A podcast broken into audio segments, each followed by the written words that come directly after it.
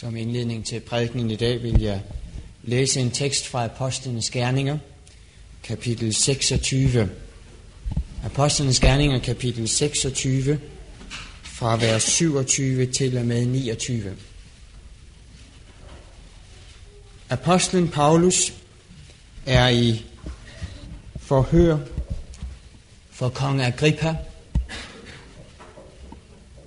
og kongen sidder på sin tronstol, og omkring ham sidder de lærte og de fornemme og de ansete i den del af verden. Paulus står i lænker efter i mange måneder at have siddet i fængsel. Han er i fangedragt. Han er lige så uvasket som en hver anden, som på den tid har siddet i et fængsel så længe. Fysisk er han hævet af dårlig kost, mangel på hygiejne, og her står han og vidner om sin tro. Og mod afslutningen af talen siger han, Kong Agrippa, tror du profeterne? Jeg ved, at du tror dem. Der sagde Agrippa til Paulus, der mangler kun lidt i, at du får mig overtalt til at blive en kristen. Men Paulus svarede, jeg ville ønske til Gud, enten der så mangler lidt eller meget, at ikke alene du, men også alle de andre, som hører mig i dag, må få det lige som jeg selv har det, på disse lænker ned. Og jeg håber, du ser paradokset. Her står Paulus, herret af lange tiders fængselophold. Og her står han foran de succesrige, de ansete, og siger, jeg ville ønske, at I havde det, som jeg har det. Og for høfligheds skyld tilføjer han, på nær disse lænker. Det skulle ikke opfattes som en fornærmelse. Det var det ikke. Han mente det. Agrippa var grebet. Der mangler kun lidt i, siger han, at du får mig overtalt til at blive en kristen. Jeg ønsker i dag at tale til dem, som er her. Jeg har måske ofte som prædikant talt til alle dem, som ikke var her. Tordnet mod dem, som ingen interesse viste i menigheden og dens arbejde. Men de er her jo ikke. For havde de ingen interesse, ville de jo ikke være her. Eller tordnet mod dem, som går ind for fri abort, eller alle disse andre ting, som findes i samfundet. Men de er jo heller ikke her. Jeg ønsker at tale til dem, som står i Agrippas situation. Som har lyst til kristendom. Som ønsker sig kristendom. Som har interesse for Kristus og for menigheden. Og som bruger tid på den. Men som ikke har besluttet sig. Og jeg tror ikke, at det bare er unge mennesker, eller udøbte teenager.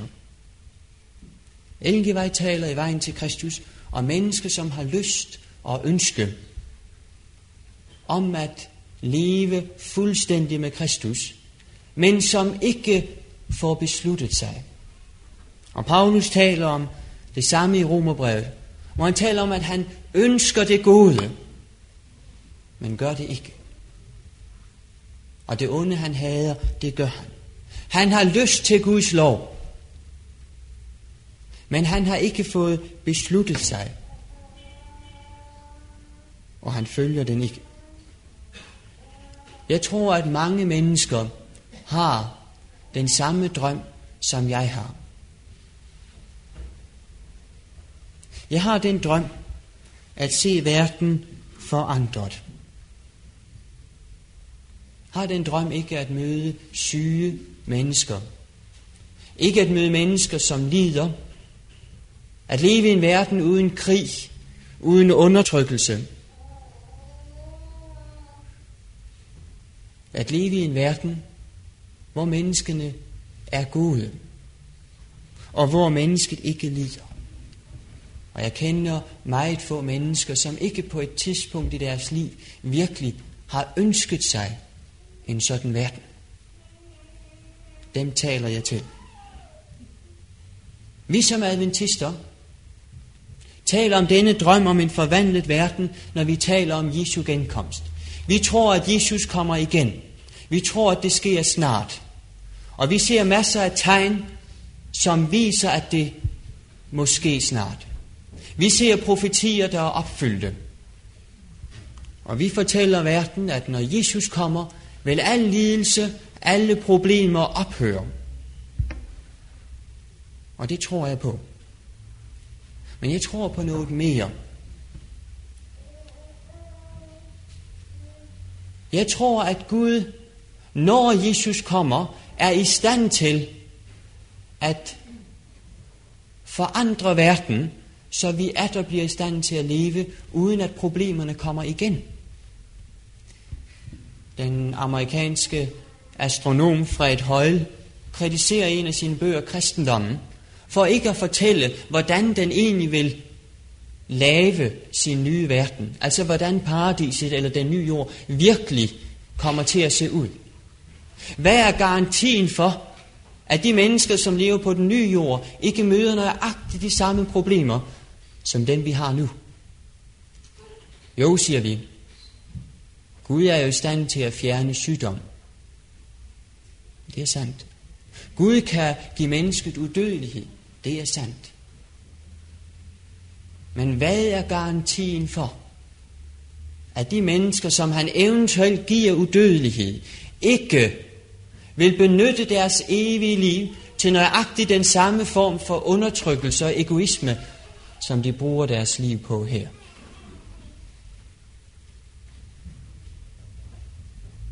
Gud kan fjerne sygdom. Men hvad med den sygdom, som mennesket ønsker? Nu siger de, at mennesket ønsker da ikke at være syg. Jeg kender mange mennesker, som ønsker at være syge.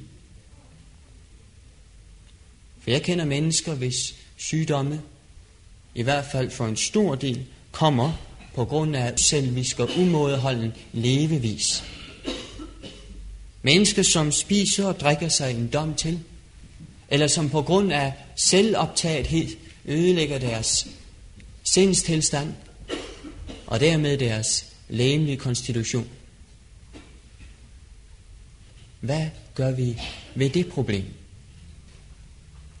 Og her er det min tro, at adventbudskabet fortæller os, hvorledes Gud er i stand til at gøre det rigtigt, som mennesker har gjort galt. Hvorledes Gud er i stand til at gøre i syndige mennesker det, som syndige mennesker ikke selv har kunnet at Gud gennem adventsbudskabet viser for verden de principper, som skal gælde på den nye jord. Og det er min tro, at i dette adventbudskab har vi så meningsfyldte principper, så meningsfyldte råd, at vi kan acceptere, en sådan verden vil jeg leve i. Og jeg tror, at den dag vi som en menighed fulgte disse råd, ville verden se, og der ville Jesus komme igen. Hvad er problemerne i verden? Der er mange problemer. Et stort problem er sygdom. Har vi noget at sige, som Gud har sagt os, om helbredelse af sygdom? som kan give mening til de mennesker, som lider. Jeg våger at påstå, at vi har noget at sige, som ingen andre i denne verden har. Vi kan ikke love mennesker ikke at blive syge. Vi kan ikke love, at verden bliver forandret. Men vi kan love inden for vores egne rammer, hvis vi følger det Gud har sagt, at vise verden de principper, som fungerer, som gør, at mennesker ikke bliver syge på samme måde som ellers. Og når verden ser det, vil de se, disse principper er gode nok til at bygge en ny verden efter. De principper, som skal efterleves i vores menigheder, på vores institutioner, på vores skoler, overalt hvor vi er, er de principper, som den nye jord skal bygges efter. Og når vi følger dem, vil verden se og få tillid til, at Gud kan gøre det, som vi ellers ikke har kunnet. Så når vi taler om Jesu genkomst, vil jeg blot sige dette, at vort håb, vort drøm om en forandret verden, meningsfyldt og velbegrundet, fordi adventbudskabet giver en meningsfyldt forklaring på, hvorledes Guds rige skal opbygges. Vi risikerer ikke i Guds rige at møde mennesker, som bliver syge på grund af egoisme. For det problem har Gud lovet at fjerne her på jorden inden den tid. Jeg har en drøm, og jeg tror, at I deler den med mig. En drøm om en forvandlet verden, hvor mennesker ikke sælger hinanden, hvor mennesker ikke bekriger hinanden, hvor mennesket ikke lever for sig selv og skaber sygdom og lidelse, og hvor død er forsvundet. Jeg har sådan en drøm for mit eget vedkommende. En drøm om, at jeg kunne leve på en måde, så jeg ikke blev fornærmet. Så jeg ikke blev irriteret over, at andre ikke anså mig for at være det, som jeg mente, jeg burde anses for at være. Så jeg ikke blev såret over det ondt, de gjorde mig. En drøm om at kunne leve med mine nærmeste, så jeg aldrig gjorde dem ondt. Har du haft den drøm? Jeg tror, du har den.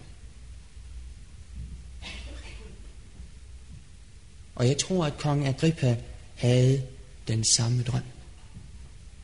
Da Paulus havde prædiket og fremstillet det vidunderlige i at leve som kristen,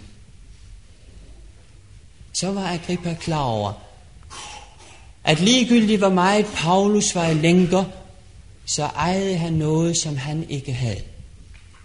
Og det ønskede han. Og du og jeg ønsker det. Men han besluttede sig ikke.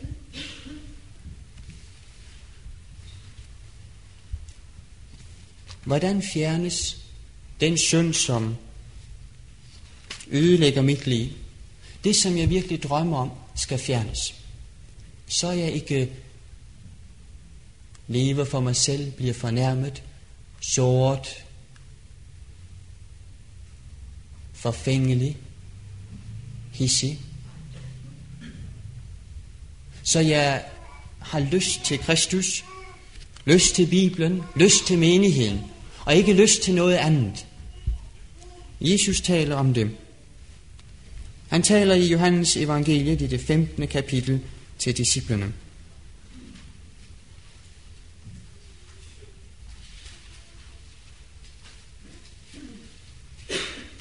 Han taler fra vers 14 og siger til dem, I er mine venner, hvis I gør, hvad jeg byder jer.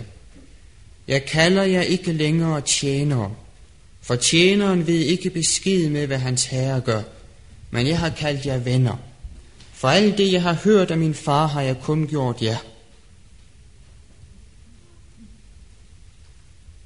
Jesus siger til dem, jeg kalder jer ikke længere tjenere.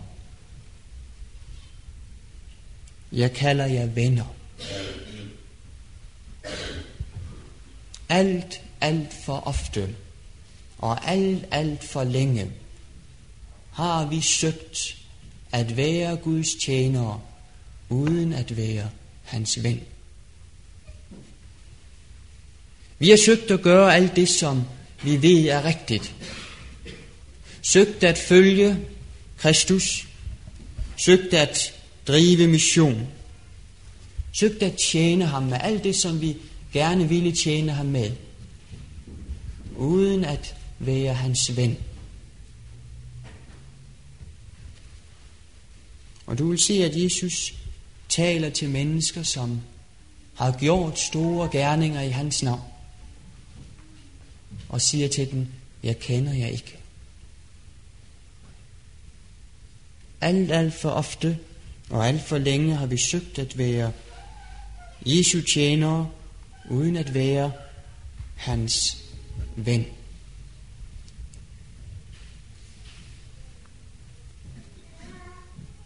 Jeg har en drøm om en forvandlet verden, om et forvandlet liv. Og jeg har fundet, at mange deler den med mig. Man behøver ikke at være kristen for at dele denne drøm. Vi deler den, når vi er her. Men vi vil opdage, at selv mennesker, som absolut ikke er kristne, virkelig ønsker sig en verden som den, vi ønsker os. Jeg skal prøve at finde nogle eksempler på dem. Vi kalder alle sammen at omtale tyskeren Friedrich Nietzsche. Han er kendt, fordi det er ham, som fortæller, at, at Gud er død. Og han er kendt for sine skarpe angreb på kristendommen. Kunne du tænke dig, at Nietzsche havde den samme drøm om verden, som vi netop har nævnt?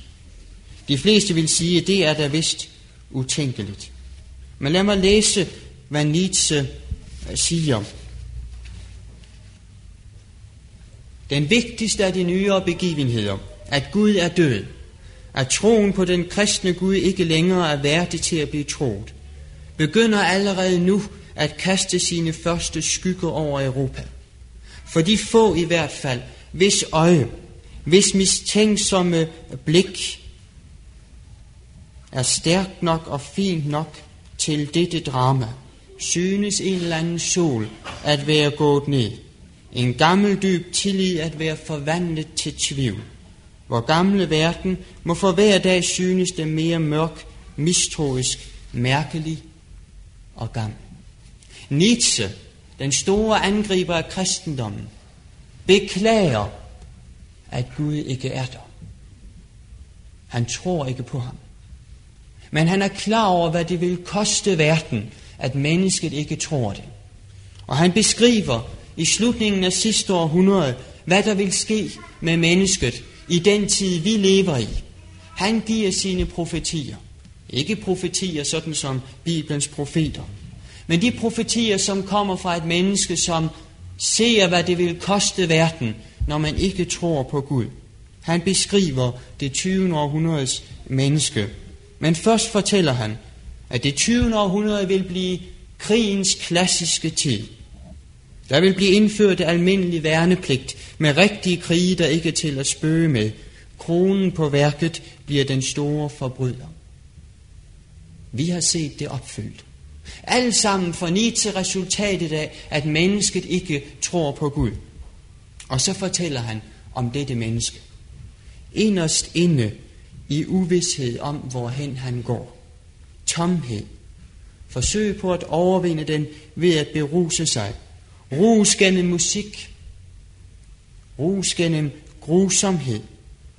Rus gennem blind dyrkelse af enkel personer Stræben efter at dykke ned i alt opslugende arbejde. At gøre sig til redskab for videnskaben. At blive tilfreds med mange små fornøjelser. Den nøjsomme generalisering, når det drejer sig om en selv. En slags mystik. Vellystig fryd ved det evigt øde og tomme. Kunst for kunstens skyld. Ren erkendelse som dulmemiddel mod selvmodbydelighed Arbejdstrumrum er lige meget hvilken art. Fanatiske småsysler af hvilket som helst indhold. Alle midlers forvirring. Sygdom som følge af generel mangel på mådehold. Nietzsche levede i en tid, hvor man var optimister. Men Nietzsche var klar over, hvad det ville koste verden, når man ikke troede på Gud. Hans beskrivelse rammer. Men han er ikke kristen.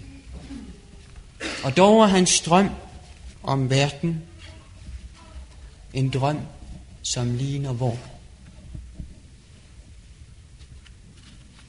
Det 20. århundredes menneske er præget af den ensomhed og ligegyldighed og tomhed, som Nietzsche her beskriver. Jeg tænker på det ofte til daglig. I øjeblikket, jeg øh, fordriver min tid på kasernen i Hillerød som civil værnepligtig. Og man har en vagtordning, hvor man af og til skal blive tilbage, og så bor man på kasernen og skal overnatte deroppe, og kommer altså ikke hjem, som man ellers gør. Og det er alle indforstået med. Problemet er, at der altid er for mange på de hold, der skal blive der. Så når folk de træder an, og man skal se, hvor mange der er, er der nogen, som er til over, som ikke behøver at være der, og de bliver sendt hjem, og det går på skift. Og jeg siger, at jeg tror, at det havde været langt, langt lettere for mange at bære, om de vidste på forhånd, at der ingen chance for, var for, at de blev sendt hjem. Jeg har set unge mennesker, som fuldt så voksne som jeg selv, som er naturlige og ordentlige mennesker, måtte gå til side for at undgå at vise, at de var ved at græde, fordi de havde ventet at gå hjem og ikke fik lov. Det lyder utroligt, ikke?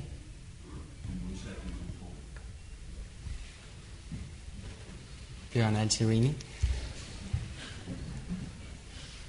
Det burde lyde utroligt. Et voksent menneske, som bare en enkelt nat skal være ude. Nu kan man sige, at det er børn, og det er selvfølgelig børn iblandt dem. Men det, som nærer dem, er, når de er tilbage, en grænseløs ensomhed. Og så spilder man sin tid. Og de sidder foran fjernsynet og ryger smøgerne, indtil de er så trætte, at de kan gå i seng og falde hurtigt i søvn. Og så går tiden. Og jeg var deroppe forleden og kom til at tænke på dette problem. For jeg er ikke anderledes, end de er det. Også jeg ville gerne være hjemme. Og også jeg blev pludselig forfærdelig ensom. Og jeg brugte flere timer på min ensomhed. Indtil det pludselig stod klart for mig, hvor tåbeligt det var. Ikke at de andre var ensomme, men at jeg skulle bruge flere timer på min ensomhed som kristen, når jeg vidste, hvordan den ensomhed skulle fjernes. Og så kommer det mest tåbelige af det alt sammen. At da det slog ned i mig som et lyn, at jeg burde gå til Kristus og begynde at tale med Kristus. Fordi jeg vidste, at af erfaring, at så forsvinder ensomhed. Så brugte jeg en time til at tænke over det. Uden at gå til Kristus. Så tåbelig er synd. Vi har alt for ofte drømt om en tilværelse, hvor vi ikke synder. Hvor vi lever i fred med Gud. Hvor vi elsker, hvor nærmest er et oprigtigt og helt hjerte. Hvor vi ikke bliver fornærmet over, at nogen sårer os eller taler ondt om os. Og vi har alt for ofte søgt at gøre alt det rigtige for Gud. At være hans tjener, uden at være hans ven.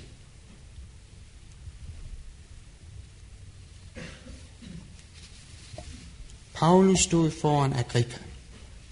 Og Agrippa vidste selvfølgelig, at noget måtte han miste, hvis han skulle blive kristen.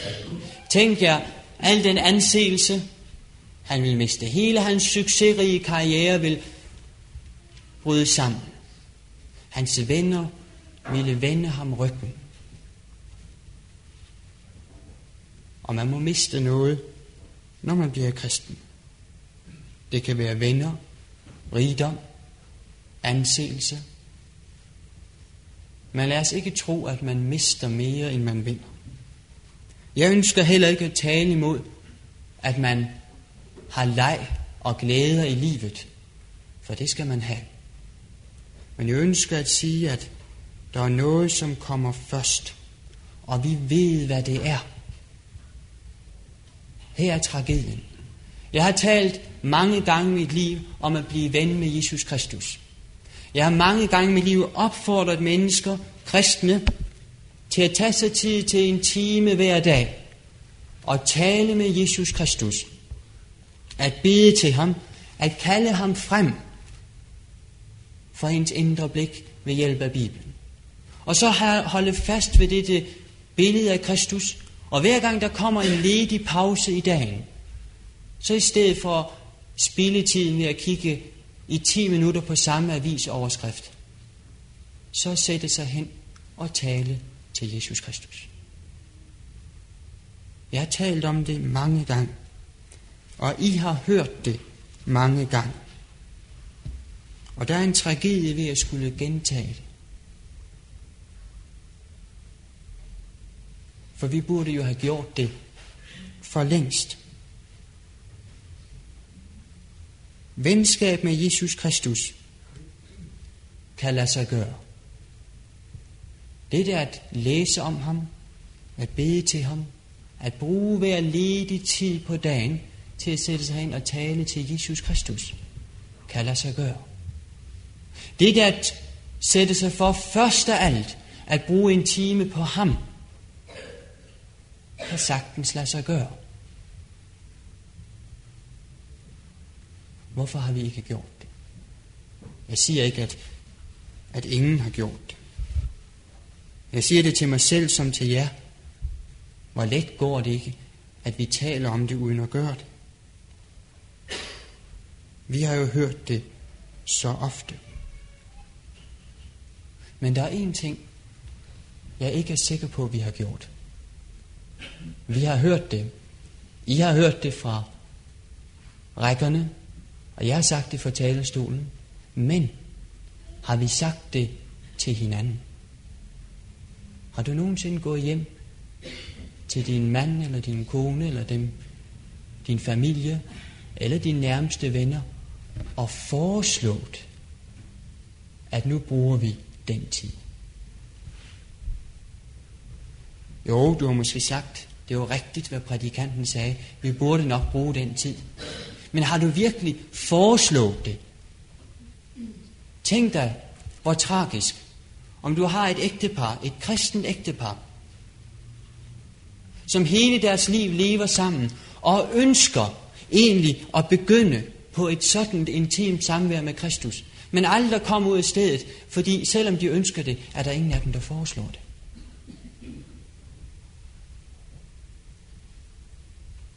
Lad mig foreslå dig at gå hjem og foreslå de nærmeste, at de bruger den time. Ikke nødvendigvis sammen. Der skal være tid til Gud hver for sig. Men at de sætter den først. Lad så lejen og læsningen af alt andet komme i anden række. Men brug først tid på dette venskab. Kan et sådan venskab lade sig gøre? Kan det virkelig lade sig gøre at være sikker på, at her er Jesus Kristus? Sådan er han. At når man taler til ham, så ved man, at han er til stede. Der findes en svejtisk psykolog, som hedder Viktor Frankl. Han tilbragte tre år i Auschwitz under krigen. Og I er klar over, at noget tilsvarende findes næppe. Den lidelse, han gennemgik, var enestående. Han gennemgik den sammen med mange andre. Han fortæller i sin beretning om en sådan bevidsthed om et andet menneske, som ikke er til stede. Og jeg skal læse. Mens vi vakler afsted kilometer efter kilometer, vader i sne og glider på is, mens vi hele tiden støtter hinanden, rejser hinanden, slæber hinanden fremad, siges der ikke et ord, men i dette øjeblik ved vi, vi tænker begge på vores kone. Af og til ser jeg op i luften, ser stjernerne blegne, eller jeg ser over mod den mørke skyvæg, bag hvilken morgenrøden begynder at vise sig. Men min ånd er nu fyldt af den skikkelse, som jeg fastholder med en så uhyggelig livlig fantasi, som jeg aldrig har oplevet før.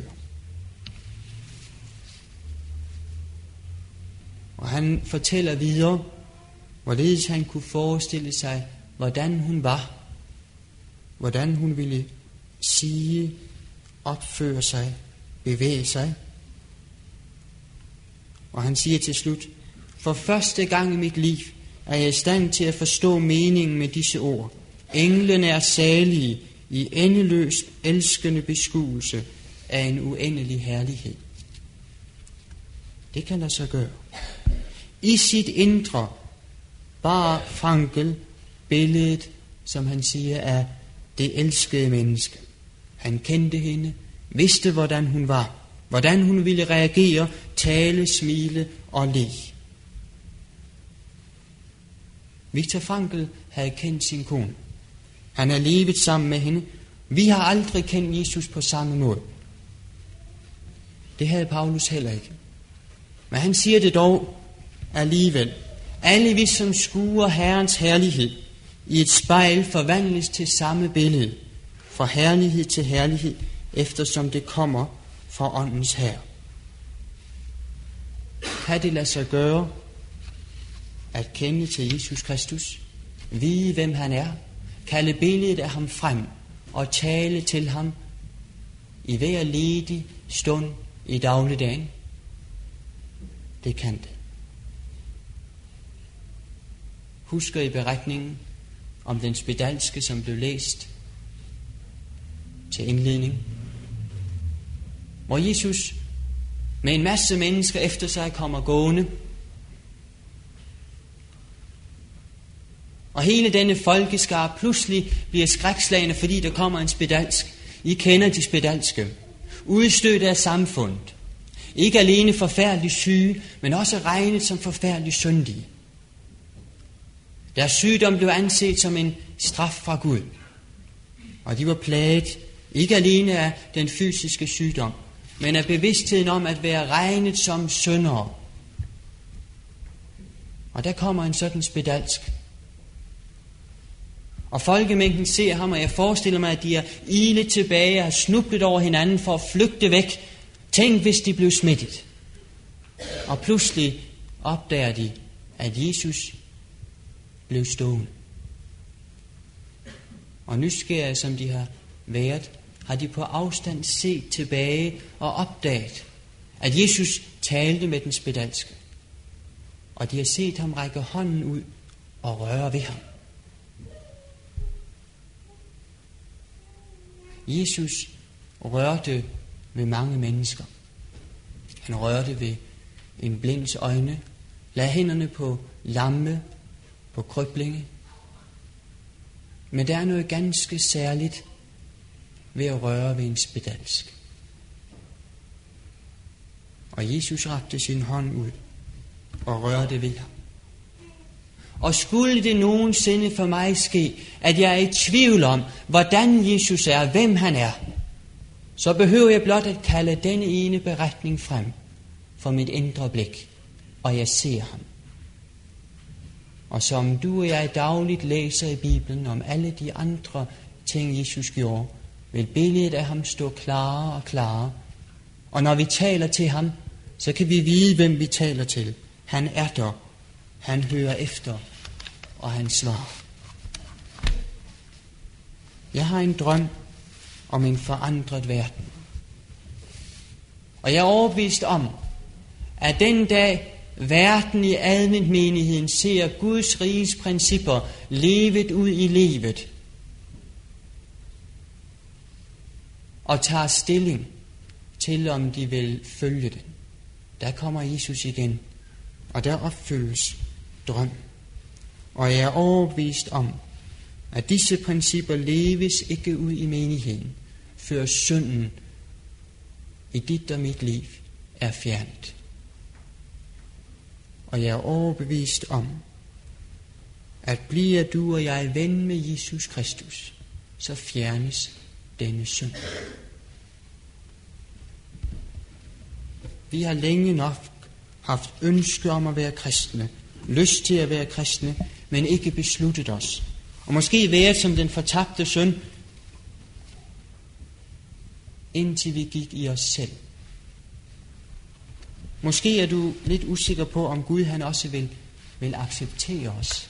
Vil han virkelig have os som sine børn?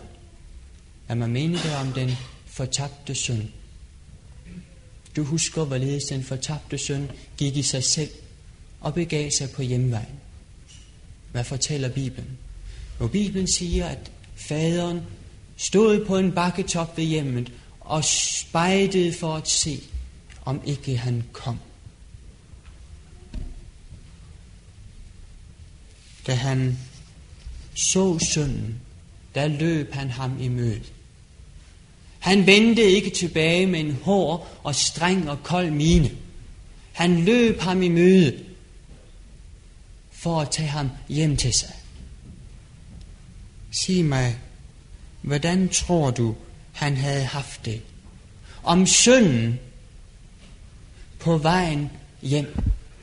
Efter at faderen havde set ham i det fjerne og var begyndt at løbe, om sønnen der havde tænkt ved sig selv, nej, det nytter ikke alligevel, og var vendt om.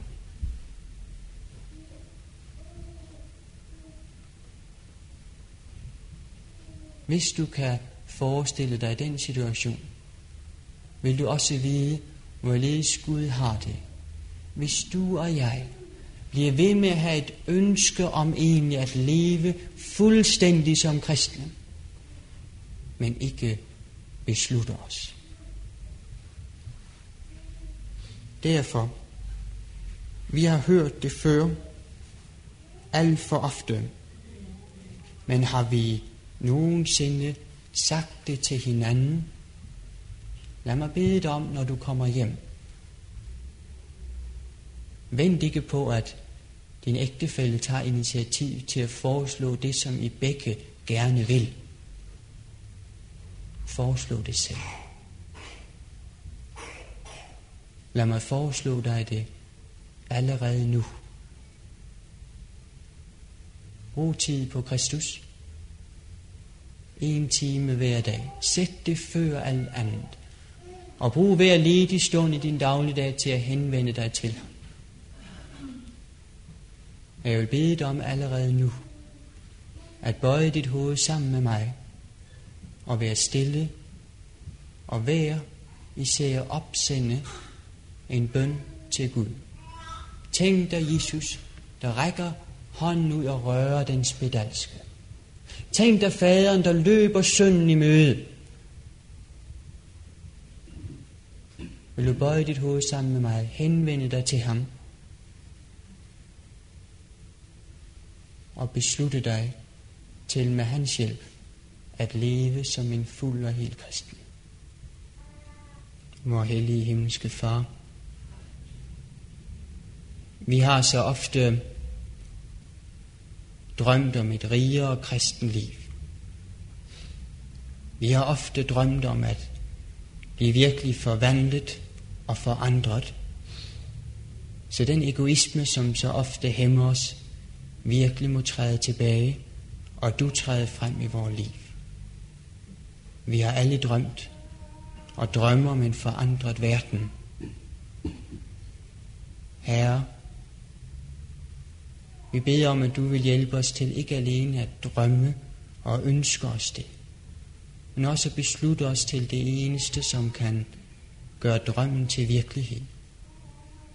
At blive ven med dig.